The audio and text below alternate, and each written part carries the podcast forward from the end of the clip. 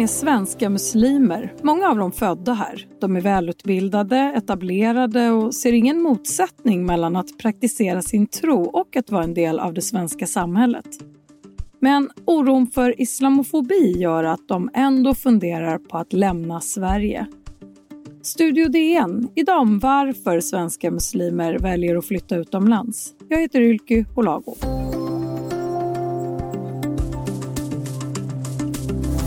Och med mig idag har jag Nadja Jebril, reporter och krönikör på Dagens Nyheters Malmö-redaktion. Hej Nadja! Hej! Du skrev ju före jul en uppmärksammad artikel om svenska muslimer som har funderat på eller faktiskt lämnat Sverige. Varför ser det ut så? Jo, om man lyssnar på de människor som jag pratat med eh, som går i de här tankarna så beror det på att de tycker att samhällsklimatet har hårdnat. Alltså det är på två nivåer kan man säga, det sociala och det politiska. I politiken så drivs nu vissa idéer som inte gynnar muslimer som grupp och det är inte bara nu, det har pågått länge. Det är tal om att införa slöjförbud i till exempel Skurup, halalkött debatteras, eh, rätten att utföra sin bön på arbetsplatsen, även om det på rasten behandlas som ett problem. Och det är en sak som, ja alltså om det bara skulle vara Sverigedemokraterna som drev de här uh, idéerna till exempel. Nu nämner jag Sverigedemokraterna som ett exempel på ett parti som har um, ändå lyft sådana här typer av frågor. Om det bara hade varit så att det var ett parti som drev de här frågorna uh, så Ja, det är många av de muslimer som jag pratat med som menar att det stora problemet blir när andra partier inte står upp för religionsfriheten. Så att vi, det, det, alltså det, man är inte emot att debatten förs, men att det känns som att det är en stämning där, ja, där de inte har stöd som grupp. Så. Det är en som sa så här, ingen tar muslimer i försvar och en annan sa, ja det är direkt politiskt inopportunt att stå upp för muslimers rätt att vara svenska muslimer. Sen har vi det sociala. De här politiska strömningarna får konsekvenser på gatan och det visar också Brås rapport som jag hänvisar till i artikeln. Kvinnor i slöja är med om att det spottas på dem, det puttas, det dras i deras slöjor och det skapar en känsla då av den här enorm utsatthet. Och det är en utsatthet som är svår att fånga för man vet inte när det händer. Det kan hända när som helst så. Eh, där det verkligen är tydligt är däremot på nätet och det, det, skriver många och säger också många som jag haft kontakt med. Eh, det finns så mycket muslimhat på våra helt vanliga plattformar där alla människor rör sig hela tiden. Eh, en kvinna som jag pratade med, inte de här som intervjuade i artikeln, utan en annan kvinna som sa hon, hon läser alla tidningar och hon tycker det hon vill hålla sig ajour som alla andra som bor eh, i Sverige och som vill vara med liksom. Eh, men hon mår så dåligt av det hon läser i kommentarsfälten så att eh, hon har låtit bli och börjat läsa tidningen. Alltså varje gång det handlar om muslimer sa hon, eller det är kvinnor i slöja med på en bild. Det kan vara en artikel som handlar om en biomedicinsk analytiker, men där kvinnan som är med i reportaget råkar ha slöja, så ser man hur det påverkar tonen i, i just det kommentarsfältet. Och alla de här tendenserna leder ju då till att personer du har följt vill eller faktiskt redan har flyttat. Hur fick du idén till själva artikeln? Ja, alltså det är många av dem jag har pratat med, jag vill bara säga det Ylke, alla har ju inte möjlighet att flytta. Men de funderar på det, det är väldigt viktigt. Så det är ju inte som en massflytt från Sverige som pågår nu, utan alltså det, det är bara den här tanken att jag vill inte vara kvar. Och det, när det gäller just det här paret som jag då fick tag på som redan hade flyttat, eh, så var det faktiskt en bekant som länkade till ett inlägg som hon hade sett på Facebook. Eh, där då mannen i den här familjen, Mohammed Khalil, eh, skriver ett typ av avskedstal till Sverige. Jag blev, jag blev så illa berörd för det stod något i stil med, ja men nu lämnar jag Sverige, jag önskar att jag kände att vi inte måste och jag hoppas att jag någon gång i framtiden kan komma tillbaka till ett mer tolerant Sverige. Och då kände jag direkt, ja men jag måste undersöka det här. Jag har aldrig hört att en muslimsk familj känner sig så ansatt i Sverige så att de bestämmer sig för att flytta av just den anledningen. Det finns muslimska familjer som flyttar men det är av samma skäl som countryälskare väljer att besöka Nashville i USA. Man dras till en plats där man tycker att man får påfyllnad av det man tycker om. va? Eh, så, och de muslimer som jag känt eh, som innan har åkt utomlands eller flyttat till länder, men säg till exempel Jordanien eller Egypten så har det kanske handlat om att man vill fördjupa sina studier av islam som eh, tro eller lära sig arabiska. Alltså så. Ja men ungefär som folk som älskar country åker till Nashville. Alltså, det är ungefär så. Ja. Läsaren får ju i din artikel möta då familjen Khalil och de har flyttat till Amman i Jordanien. Vad är deras berättelse? Hur gick det från vardagsliv i Sverige till att de faktiskt eh, packade ihop och lämnade? Ja, men det här är då Mohammed Khalil och Sumaya Khalil som bodde i Arlöv. Då hade de två barn när eh, detta hände som då fick dem till slut att flytta. Eh, hon eh, är väldigt sådär hurtig som jag har förstått henne. Hon är väldigt ute mycket i naturen och, och, och nu var, hade hon en, eh, en grej att hon skulle gå morgonpromenader och då så gav hon sig ut ensam Eh, den timmen innan Mohammed skulle gå till jobbet för hon var faktiskt föräldraledig då. Så att eh, hon, hon verkligen tyckte om den där timmen på morgonen som hon fick för sig själv och då gav hon sig ut och det var sommar och eh, kort innan hon då hinner hem på den här morgonpromenaden då cyklar en man i kapp henne. Eh, och eh, han, eh, hon märker direkt att det är något obehagligt på gång men förstår inte riktigt vad han vill. Eh, han cyklar i kapp och ställer cykeln så att, så att hon inte kan komma fram. Och, eh, och när, när han ställer sig framför henne så, så, så som hon beskriver det så hade han ju någon form av eh, byggarbetskläder eller vad ska man säga, snickarbyxor. Det var många verktyg han hade, det hängde någon kniv utanpå på fickan, något som han säkert använde i sitt arbete. Eh, och hon blev så nervös och rädd att han skulle kanske använda de här verktygen på henne för att han började ju skrika eh, på henne. Uh, jävla muslimer, vad gör ni här och varför är ni här och jag hatar er och ta av dig den där slöjan och liksom gör ansats och vilja uh, eh, ta av hennes uh, slöja. Och hon, uh, hon berättade som att hon blev paralyserad för att hon hade varit med om så många olika saker, hon har burit slöja ganska många år. Men just det här att någon kommer fram och hittar med armarna och hon blev så skärrad av det. På något sätt, hon vet inte ens själv så lyckas hon komma undan och springer upp eh, för trapporna hem och eh, där möter hon sin man som inte förstår vad det är som har hänt. Eh, och som sagt det här Båda upplever det som att det här var droppen eh, som fick bägaren att rinna över för hon har burit slöja i, i, i många år. Som sagt och hon, eh, hon beskriver det som att det har stegrats. Den här oron att det skulle hända någonting har stegrats och för Mohammed, eh, hennes man då, han har ju aldrig funderat, han har inte ens tänkt tanken på att han skulle lämna Sverige på grund av intolerans. Eh, han, det var när de gifte sig som han insåg hur utsatta de som muslimer är och genom de berättelser som han fick höra från sin fru.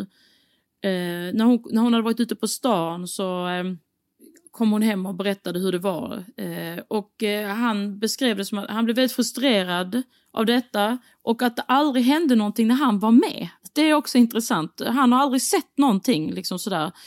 Eh, och så den där känslan av otillräcklighet men också känslan av eh, otrygghet när de fick barn. För barnen ser ju det här.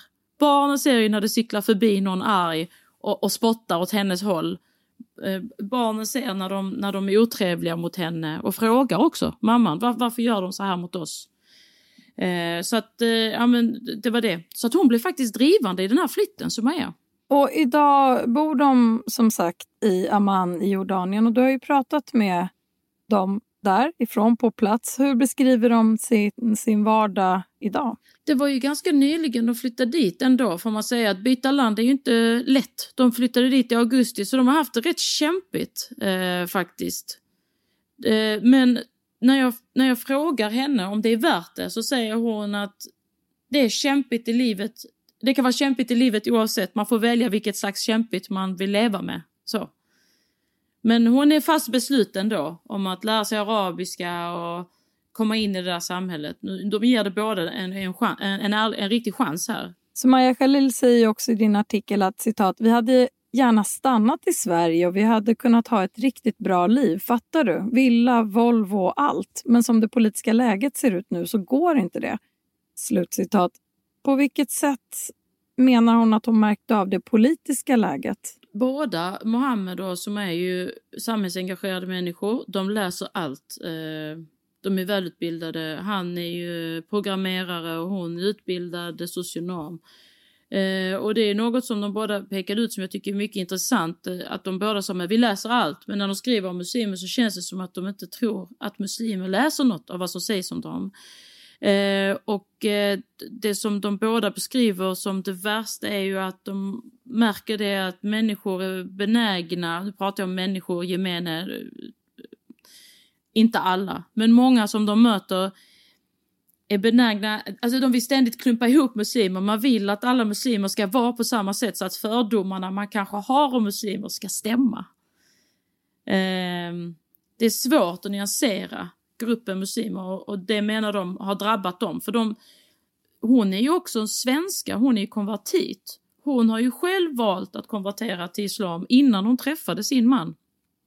Eh, så hon, alltså det här är ju hennes hemland, också Mohammeds hemland. Han är ju född och uppvuxen här. Så att, eh, ja det är ju därför de önskar att de kunde stanna, för de älskar ju Sverige. Det är ju inte det, utan det är ju den här intoleransen som de upplever. Mm. Mohammad Khalil pratar ju också om att som en grundprincip, när han inte känner sig önskad så flyttar han på sig. Och det är något som också återkommer i uttrycket hijra och i de diskussionsforum för svenska muslimer som, som du följer. Vad betyder hijra och hur används eh, uttrycket i en muslimsk kontext? Ja, jag vill bara säga, alltså, eh, det här att han har det som en grundprincip, eh, det känns ju, alltså det är inte någonting, det är väldigt viktigt att säga att det är inget som han önskar, utan han menar att det är en överlevnads, eh, överlevnadsmekanism, så skulle jag uttrycka det faktiskt. Hijra är det arabiska ordet för migration och det kan användas på arabiska för att beskriva just migration. Men i muslimska sammanhang så har det ytterligare en innebörd. Det finns en historisk eh, händelse som många muslimer refererar till och det är profeten Muhammed eh, som tvingades göra just hijra på grund av förföljelser. Eh, när han började förkunna islam i Mecka, där, för han var från Mecka, Eh, det var inte omtyckt av meckaborna. De ville inte höra om den här nya religionen. Nu beskriver jag det bara utifrån hur det, beskriv, hur det är beskrivet i muslimsk kontext. Men meckaborna de blev väldigt provocerade av att den här mannen kom och sa att ja men vet ni vad, skippa era alla gamla gudar, jag har kommit med en ny lära, följ mig. Det var inte omtyckt, så Mohammed tvingades göra hijra, en migration från Mecka till Medina som blev hans nya hem.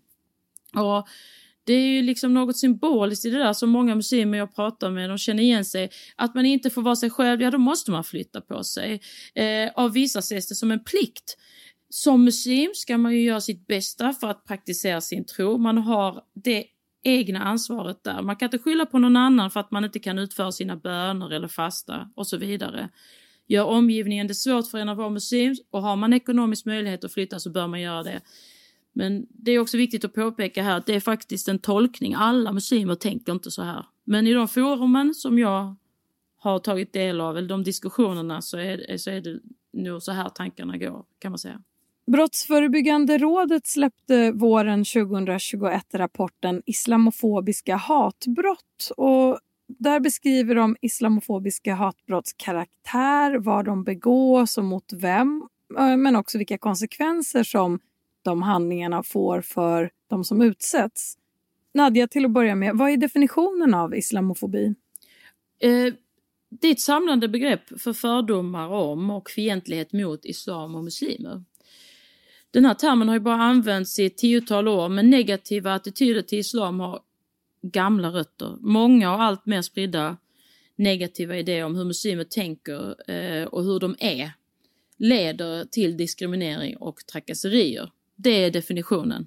Och Vad är det för bild som träder fram i den här rapporten som ju ändå är ganska färsk? Hur yttrar sig islamofobi i Sverige enligt Brå? Ja, det enkla svaret på den frågan är visar man sin tro, bär man slöja eller har skägg om man är man, så kan man inte känna sig helt, helt trygg. Det är den bilden som kommer fram i den här rapporten. Eh, alltså att man som muslim inte hör till, Eh, moskéer vandaliseras på samma sätt som vi sett synagogor bli. Hakkors på dörrarna, krossade rutor. Eh, det värsta var, eh, verkar vara mikroaggressionerna, alltså att man känner sig särbehandlad i en helt vanlig klädbutik till exempel. Om det händer väldigt många gånger, eh, då tornar det upp sig. Alltså den, den, den, stora bilden av ens tillvaro i en vardag blir ju att man är utsatt. Även om det kanske i varje tillfälle inte måste vara så stora händelser.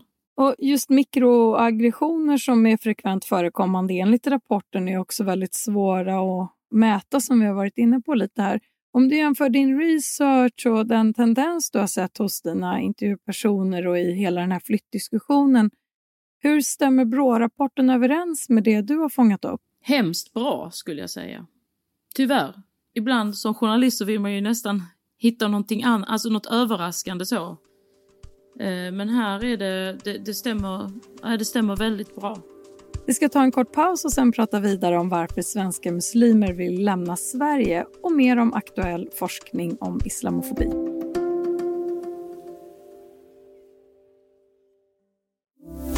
Du lyssnar på Studio DN idag om islamofobi i Sverige. Nadja Jibril, Dagens Nyheters Malmö-redaktion. Du har också intervjuat David Turfjell som är professor i religionsvetenskap och han säger att svenska muslimers önskan om att lämna Sverige inte alltid behöver handla om hatbrott och öppen rasism. Hur går hans resonemang? Det här blir ju nästan filosofiskt. Eh, han pratar ju om en eh, obesvarad kärlek. Jag ska se om jag får det här rätt, eh, Ylke. Men eh, David Turfjell säger ju det i artikeln eh, och då utgår han ifrån hans senaste forskningsprojekt som handlar om sekularisering i Sverige. Att eh, ett av resultaten visade att eh, de flesta av svenskarna med muslimsk familjebakgrund har en positiv känsla för kristendom och det sekulära. Däremot har de med kristen familjebakgrund inte lika hög grad någon positiv känsla för islam. Så det han menar, och det är det här det filosofiska kommer in, att det är kanske en känsla av besvikelse för den som verkligen vill vara en del av det svenska samhället. Det, man ger sin kärlek till någon och så blir den obesvarad. Och det är kanske den, de tankegångarna som får en att vilja lämna. Och det här tyckte jag var så fint när han beskrev det så, för det är inte en vanlig bild som förmedlas. Utan Tvärtom så har ju de här bilderna av, av aggressiva muslimer, terroristen, handlat om att de ska förstöra väst, att de ska komma hit och göra någonting dåligt mot oss som bor här. Um, men jag tyckte att det också passade in väldigt mycket i hur, hur familjen Khalil också beskrev uh, sitt förhållningssätt i Sverige. Mm. Som du nämnde här så har ju David Turfjell studerat just sekulariseringen i Sverige och Det är ju något som han eh, menar påverkar på flera sätt. Och Han är också inne på det här som du kom in på med bilder. Mm. Mediebilden av muslimer får också betydelse, säger han. Hur då? Muslimer känner inte igen sig i den bilden som förmedlas. Eh, bland muslimer eller i den muslimska gemenskapen så har det länge funnits en känsla av att man inte vill ha skillnad utan man vill säga alla vi muslimer, vi är likadana. Men jag tror att det är viktigt att, vi, att, att, att um, det börjar synas att uh, man kan tolka sin religion på olika sätt. Man lever efter religionen på olika sätt. Som till exempel, det tydligaste exemplet är ju att vi får höra om terrordåd som har blivit gjorda i islams namn av människor som säger att de är muslimer. Detta får vi se på nyheterna, men så sitter sitter det sådana Svensson-muslimer i hela Sverige. har precis kommit hem från sitt jobb, håller på med läxläsning med sina barn. Alltså det, det, det är väldigt långt ifrån en svensk muslims vardag. Och vad fick du för reaktioner på din artikel om att svenska muslimer vill lämna Sverige? Eh, det var både och. Eh, många skrev att det var bra att vi skrev reportaget och synliggjorde att det finns, eh, att, att, att de här tankarna finns i den muslimska gemenskapen. För också bra att vi skrev reportaget för fler har märkt tendensen att liksom de muslimer som grupp eh, klumpas ihop och man antar saker om muslimer och eh, på det sättet. Det, det var en, det var bra, eh, eller det var positiv respons. Men överraskande många som tycker att det är bra att familjen åkte och gärna ser att fler muslimer skulle göra likadant, lämna Sverige. De flesta av de här kritikerna, de, alltså de kallar sig religionskritiska, men är nog mest islamkritiska. Men jag skulle säga att de döljer sitt muslimhat dåligt. Tyvärr så det blir väldigt tydligt att man liksom inte tycker att och det bekräftar ju också det familjen Khalil faktiskt säger, att vi vill inte vara här för att vi är oönskade. Så. eh, annan, annan, andra tankar som kommer, familjen är inte tacksam. Familjen som lämnar Sverige på det här sättet borde betala tillbaka det de har kostat Sverige. Eh, sådana. Men så är det en viktig grej som jag tänker att jag verkligen som vi måste börja adressera och det är att den här idén om att muslimer är förövare, den är så stark att de kan inte vara offer. Om man tänker att alla muslimer är terrorister så kan det ju vara svårt att förstå att muslimer också kan vara offer. Så jag tänker att vi måste börja som journalister men också i samtalet börja utmana de här bilderna som har satt sig. Det för mig väldigt eh, organiskt in på min avslutande fråga. Hur kommer du att fortsätta bevaka just det här ämnet? Jag håller kontakten, inte bara med den här familjen utan flera och sen så får man ju följa debatten, se vad som sägs och, och, och, och, och försöka fortsätta skriva om det bara. Och nyansera. Tack så mycket Nadja Jibril, reporter och krönikör på Dagens Nyheters Malmö-redaktion. Tack. Om du vill kontakta oss så går det bra att mejla till studiodn dn.se. Och kom ihåg att prenumerera på Studio DN där du lyssnar på poddar så missar du inga avsnitt. Studio DN görs för Podplay av producent Sabina Marmolakai, ljudtekniker Patrik Miesenberger, teknik Oliver Bergman på Bauer Media och jag heter Ylky Holago.